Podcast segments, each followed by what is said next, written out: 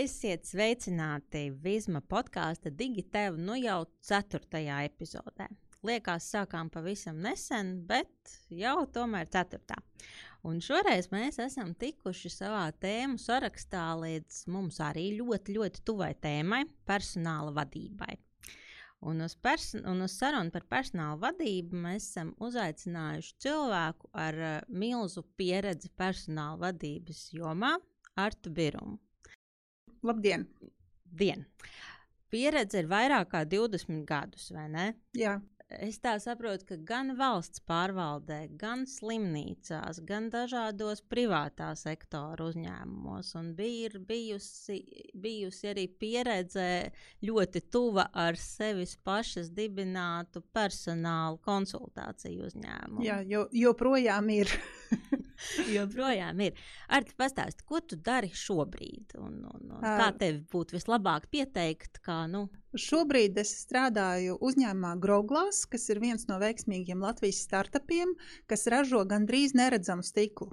Esmu tur administrācijas un personāla direktore un risinu, tu, jāsaka, tos pašus jautājumus saistībā ar procesu uzlabojumiem, procesu automatizāciju, digitalizāciju un cilvēku attīstību, tāpat kā ā, iepriekšējā pieredzē līdz šim. Kā no personāla vadības nekur tālu nav, vai ne? Jā, tikai nākuši klāt procesi, un uh, daudz kas ir nācis ga gadiem klāt, uh, arī automatizācija, digitalizācija, uh, tā pieredze, ko uh, var nu, nedarīt cilvēks, bet ko māki izdarīt datori vai, vai kāda tehnika. Kā ar, nu, mēs te uzaicinājām šeit tā- tāpēc, ka nu, ir ļoti labi zināms, ka tu esi tāds nu, kārtīgs digitalizācijas celmlauzes personāla jomā. Jau tad, kad vispār neviens par digitalizāciju nerunāja, nu, tu biji viena no pirmām, kas teica, ka jā, vajag, un, un bija tāds karognesējs, man liekas, ka nozarē nu, tādus jau ļoti, ļoti ilgus gadus. Un esot tik ilgus gadus nozarē, nu, noteikti visizaicinošākais, kas, kas ir, ir pastāstīt tā ārkārtīgi vienkārši. Jo nu, patiesībā jau visās lietās ir dziļums un, un tā. Bet mūsu auditorija ir. Nevis tieši personāla vadītāji, nu, mēs tā esam definējuši, ka mēs nevis koncentrējamies uz šīs konkrētās nozares profesionāļiem, bet uz uzņēmējiem vispār. Un, protams, ka uzņēmējiem vispār var būt ļoti dažādas, uh, dažādas domas un dažādas izpratnes par to, ko īsti personāla vadītājs dara. Var tā ieskicēt, nu, tādos ļoti vienkāršā veidā, nu, kas tad ir personāla vadītāja tādā normālā uzņēmumā pienākumi. Nu, te jā- jāsaka, laikam ļoti plaši, un es neesmu noteikti tradicionālais personāla vadītājs. Principā, tur, kur aicina mani, uh, tur vajag skatīties, cik labi vadītāji vada, jo personāla vadība ir uh, par tiem procesiem, kas attiecas starp tiešo vadītāju un darbinieku, kāda veida procesi organizācijā notiek. Vai tā ir atlase, vai tā ir darbinieku novērtēšana, attīstība, atalgojuma pārskatīšana, kā šie procesi notiek organizācijā, cik labi vadītāji ar šiem procesiem tiek galā. Un mans uzdevums ir viens, uzlabot, standartizēt šos procesus, otrs, skatīties, lai vadītāji tā kā maksimāli labi šos procesus prastu izmantot un paši vadītu savas komandas. Hm, bet tad ir tomēr par vadīšanu, ja nevis par administratīvajiem darbiem. Uh, jā, man ir tā pieredze no 2002. gada, nu, ja mēs runājam par digitalizāciju, kad uh, es strādāju Latvijā, kur uh, es piedzīvoju šo te pirmo pieredzi, kā aiziet prom no papīra rīkojumiem un, un dokumentiem. Un es redzēju, ka īstenībā ļoti daudz ko personāla vadībā var nedarīt, kas tas notiek automātiski, darbiniekiem pašapkalpojoties. Un, jāsaka, To es esmu centusies visu laiku arī stāstīt, un man ir izdevies arī daudzos citos uzņēmumos ieviest šo pašapkalpošanos rīku, uh, kur cilvēks redz daudz ko par sevi, daudz ko pats var izdarīt, vadītājs saskaņu apstiprina, un daudz kas notiek automātiski, neģenerējot jaunus dokumentus, jaunus darbus, darba vietas un tā tālāk. Nu, tomēr personāla vadībai nu, ir arī kaut kāds tas aspekts, nu, kas, ko mēs sauktu par personāla lietvadību, kas ir tāds likumā noteikts. Uh, noteikts kaut kāds darbību kopums, kas katram uzņēmumam ir, ir jāie, jāievēro.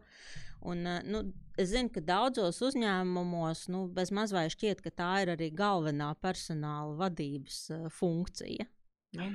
Uh, varbūt, bet uh, es gribu teikt, ka uh, tas, ko daudzos uzņēmumos saprot ar personāla vadību, ir ļoti atkarīgs no tā, kāds cilvēks tur strādā.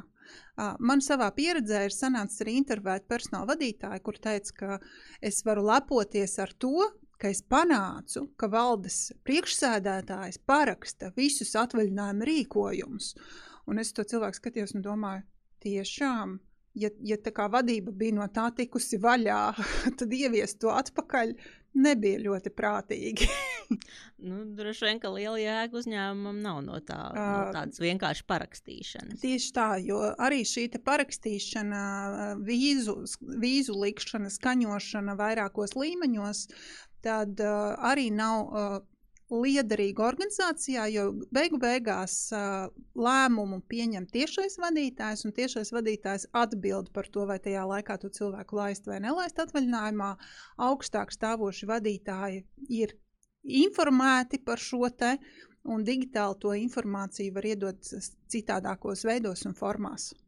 Un šeit parasti ir jautājums par to, kā tas ir papīra formātā noticis un kā tas digitāli notiek. Noteikti varu teikt, ka tas, kas ir papīrā, nevienmēr viens pret viens ir jāpārnes digitāli, jo digitāli mums ir daudz dažādi risinājumi, kā to pašu rezultātu mēs varam sasniegt gudrāk un ar mazāk darbībām.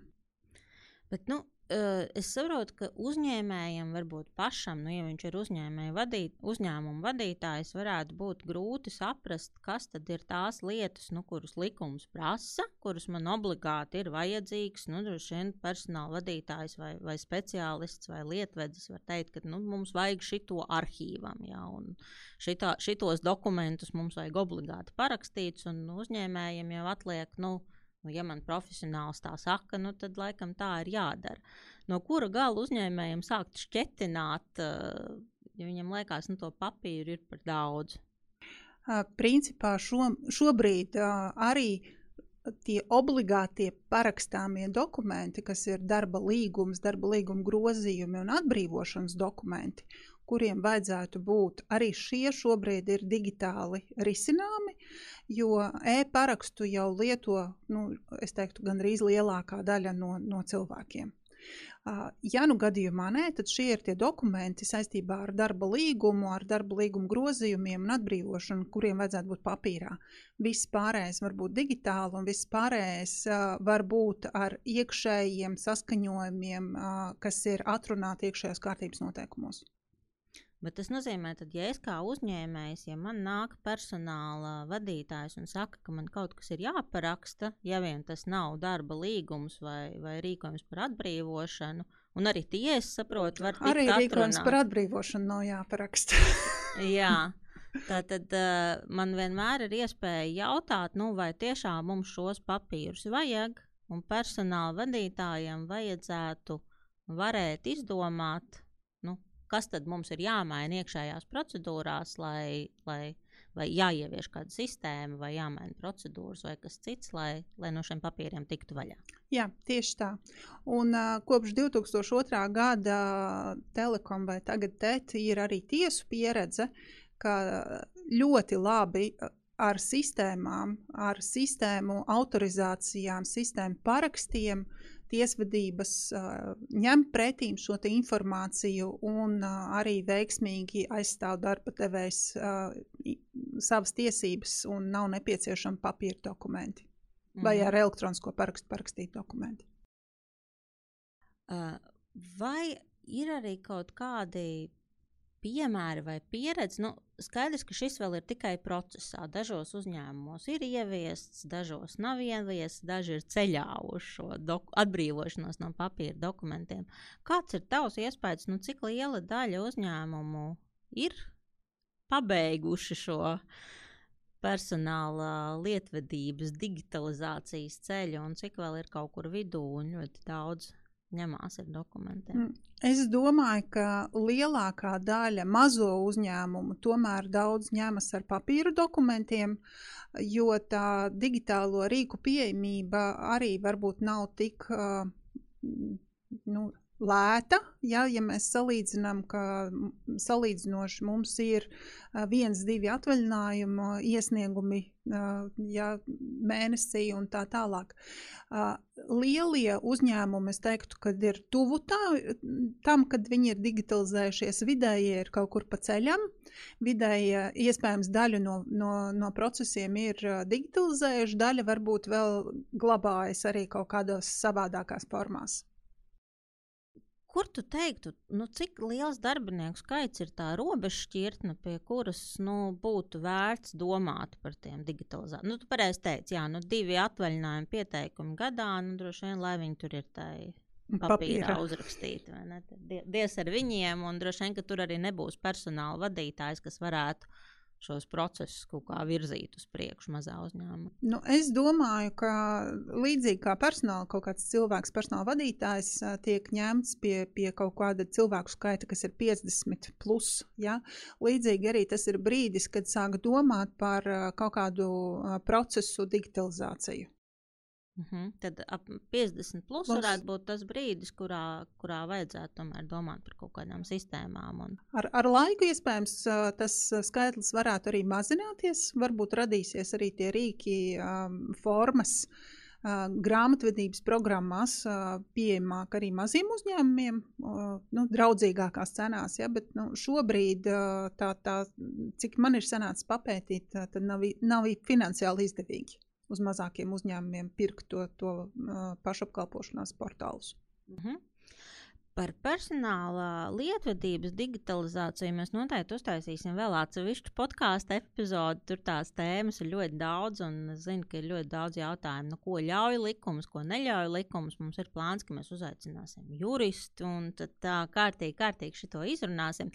Bet šito tēmu mēs varam mierīgi noslēgt ar to, ka uzņēmēji ja jūs redzat, ka jums ir papīrā dokumenti personāla jomā, sākam jautāt, vai tiešām šo vajag. Jā, un es teiktu tā, ka, ja jūs redzat kādu dokumentu ar, ar tekstu rīkojums, tas noteikti ir indikācija, ka tā, tas ir dokuments, kuru nevajag. Jo, ja mēs runājam par tiem dokumentiem, kurus vajag, kā jau minēju, ir darba līgums, darba līguma grozījumi un iesniegums par darba attiecību pārtraukšanu vai vienošanās par darba attiecību pārtraukšanu. Viss pārējais der digitāli. Mm -hmm. Skaidrs. Bet ļoti interesants jautājums, un, un jautājums, man, kas, kas man liekas, ir vēl interesantāks, ko uzdot cilvēkam, kas ir personāla vadītājs, ir, nu, ko tad mēs darām ar to ietaupīto laiku? Nu, tad, tad mums bija personāla nodaļa, ja, kas visu laiku ņēmās ar papīra dokumentiem. Nu, tad mēs ieviesām digitālos risinājumus, attiecīgi ietaupījām laiku, samazinājām kļūdas un nu, visas tās labās lietas, kas nāk no risinājumiem. Kas ir vēl tās lietas, ko dara?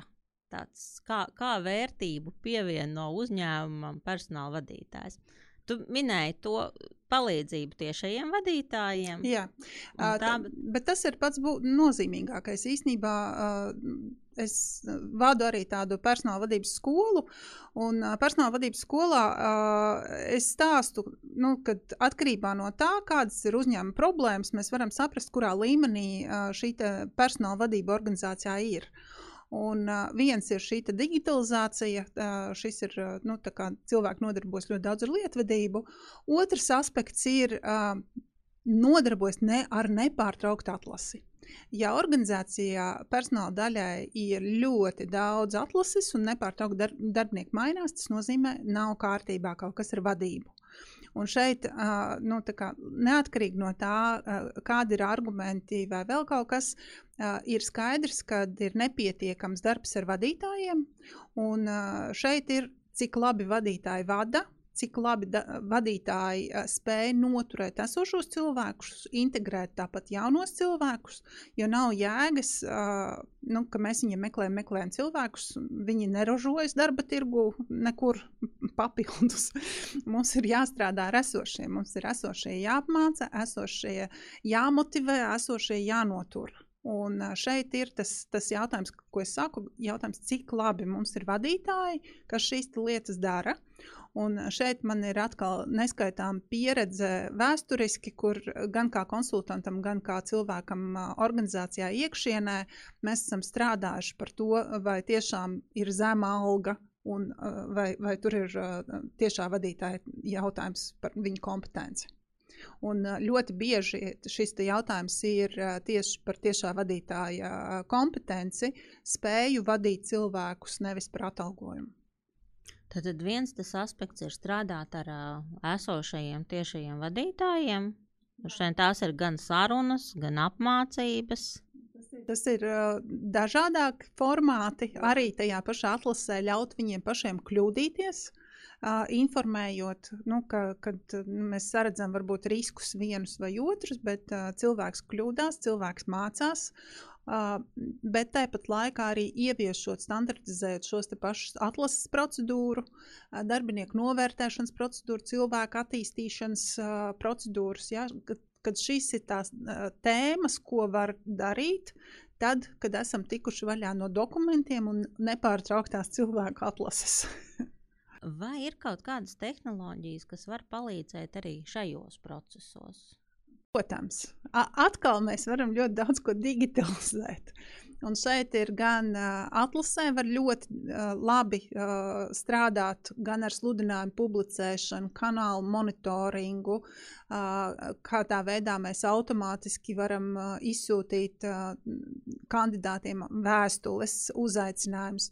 Man viens fantastisks rīks, kuru es nesen atklāju, sadarbojoties arī ar, ar, ar savām jaunākām kolēģiem, kas bija atradušas Calendly, kurš brīnišķīgi taisot kandidātiem laikus, kad viņi var ieplānot intervijas, tev nav jāzvana, viņi paši saplāno tavā kalendārā, un viss darbojās, iekonomēs savu laiku. Un, nu, ir ļoti daudz dažādas aplikācijas, risinājumi, kas mums ietaupa to laiku, ja mēs esam gatavi elastīgi uz to paskatīties. Protams, ir jautājums, cik otrā pusē cilvēki prot to izmantot. Bet tas atkal ir līdzīgi kā ar Microsoft Outlook. es no, no 2000. gada stāstu, ka visiem ir redzams mans kalendārs. Cilvēks saka, nē, es neredzu. es pieeju pie kalendāra, saku, tagad paskatīsimies kopā. Ah, šitā var paskatīties. Un, nu, teiksim, tas ir tas, kādā veidā Uh, nepārtraukti sanāk komunicēt, apmācīt. Tieši tāpat ar kandidātiem ir, kad viņš nemāk kaut ko izdarīt, tad sazvanīties, vai jūs redzējāt, vai jūs sapratāt, ko darīt, kurš pogas nospiest. Un tas ir arī nepārtraukti apkārt tos cilvēkus apmācīt. Nu, komunikācija tas neatceļ, bet tas atvieglo komunikāciju. Noteikti, jo, jo kas noteikti ir, kad vismaz, teiktu, pusē viss ir skaidrs, un ar pusi daudzas lietas notiek jau automātiski, un tad, ja ieguldot tajā otrā pusē, ar laiku arī tās lietas notiek automātiski. Jā, pilnīgi noteikti. Nu, mēs tā smuki no atlases pārbraucām uz apmācībām, kas arī ir milzīga, milzīga sadaļa personāla vadītāja ikdienā. Eh, Latvijā ar vien vairāk nu, tas, ko mēs redzam, ienāk eh, apmācību, digitalizācijas risinājumi, kur uzņēmumi nu, vairs nesauc cilvēkus pulcēties lielās telpās un klausīties lekcijas, bet, bet dažādos uh, online veidos, eh, iesaistot interaktīvi, mēģina cilvēkus mācīt, radīt paši saturu, pirkt saturu.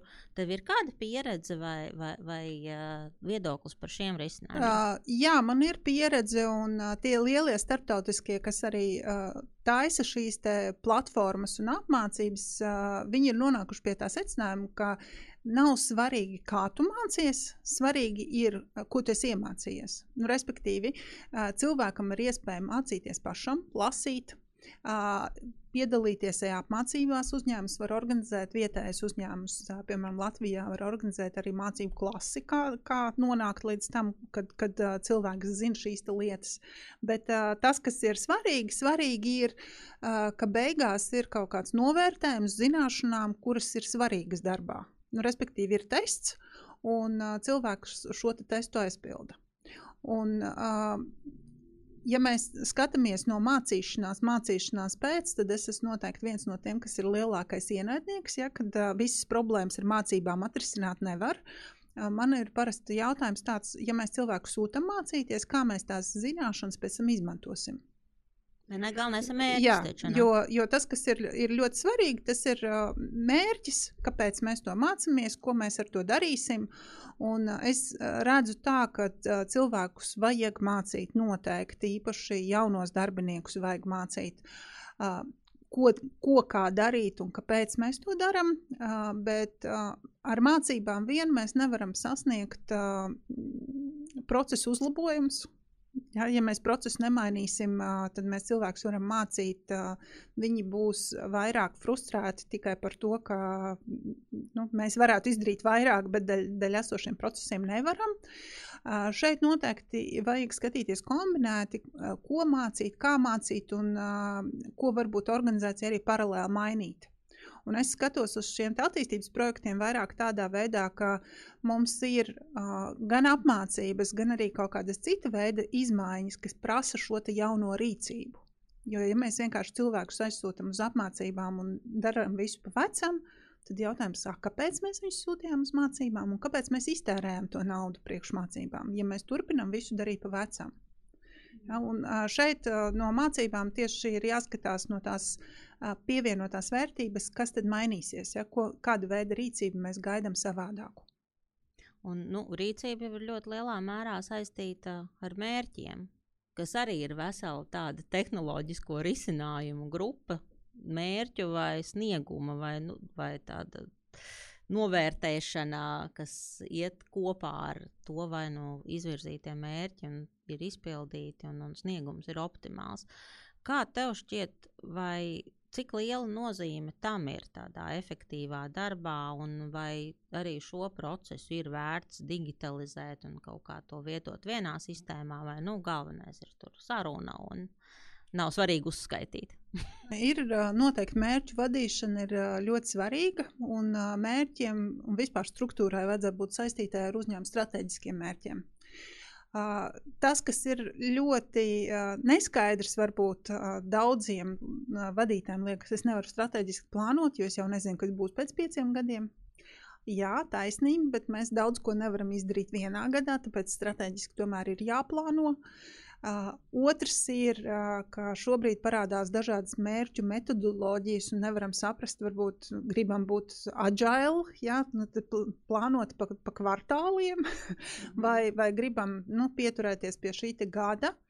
Un te atkal es teiktu, ka no sākuma vajadzētu saprast, kā mēs virzamies pirms skriet ar kaut kādām IT sistēmām atbalstošām, ja, kad no sākuma iedibināt varbūt šo, šo te mērķu uzstādīšanu kā, kā procesu, un tad skatīties un meklēt, kā es šo procesu varu atbalstīt tehnoloģiski.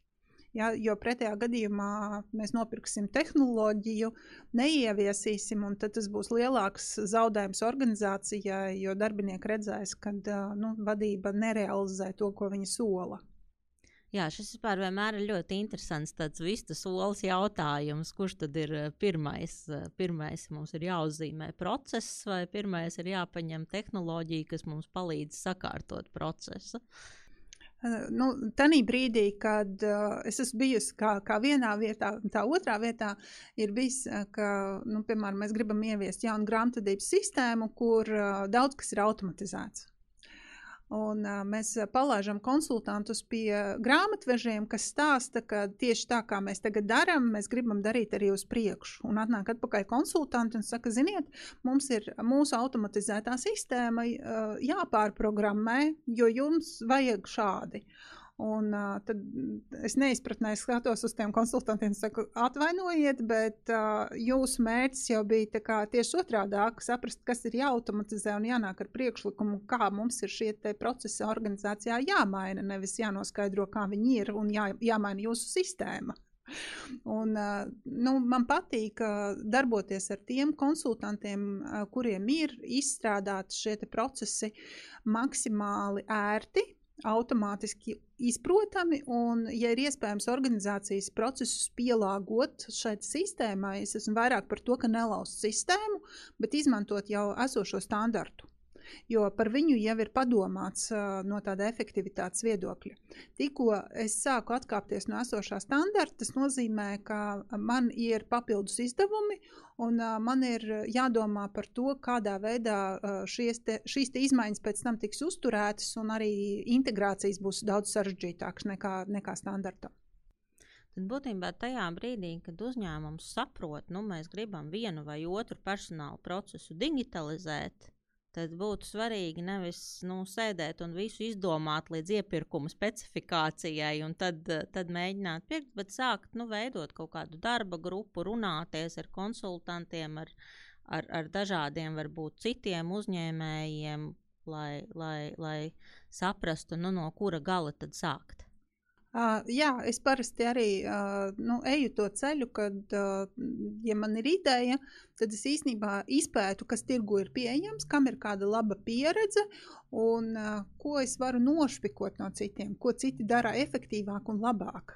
Jo nevienam uh, darbiniekam, un īpaši jauno pauģu darbiniekiem, nevienam nepatīk darīt rutīnu veidu lietas. Tur, kur var uh, kaut kādas lietas palaist, robotizēt, automatizēt, uh, cilvēki labprāt to nedara. Ja? Un te uzreiz ir tas jautājums, ok, ja mēs varam, nu, piemēram, kaut kādas atskaites automātiski ģenerēt, tad ir jautājums, kas, ko tajā atskaitē ielikt iekšā, cik, nu, kā viņu uztaisīt, lai nav tā, ka mums katru mēnesi vadībai viņas mainās lai viņas ir standartā. Un, un, tas ir liekas, tas lielākais izaicinājums, ejot uz to digitalizāciju, ir nu, spēt ieraudzīt jaunus tos procesus, savādākus organizācijā un spēt arī saprast, kas ir būtiskais. Jo uh, arī pārāk daudz datu vākšana, pārāk daudz datu ievadīšana uh, arī rada nu, teiksim, lieko svaru gan sistēmai, gan datiem, gan visam citam, arī ātrdarbībai. Ja? Mm. Ja mums šobrīd klausās kāds uh, organizācijas vadītājs, nu, tagad dzirdēja, tad visādas mums ir lietvedībai sistēmas, atlasē sistēmas, mērķiem sistēmas un tā tālāk un tā joprojām.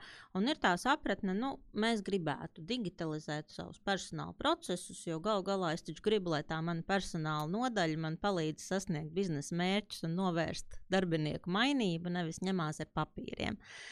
No kura no kura punkta lai šis vadītājs sāk? Nu, vai tas ir, vai viņam to vajadzētu darīt pašam, vai būtu labāk pateikt personāla vadītājam, nu, redz, tev ir mērķos digitalizēt to un šo procesu, un, un kas tad tālāk tam cilvēkam, kam tas ir uzticēts, no kura punkta viņam sākt tālāk?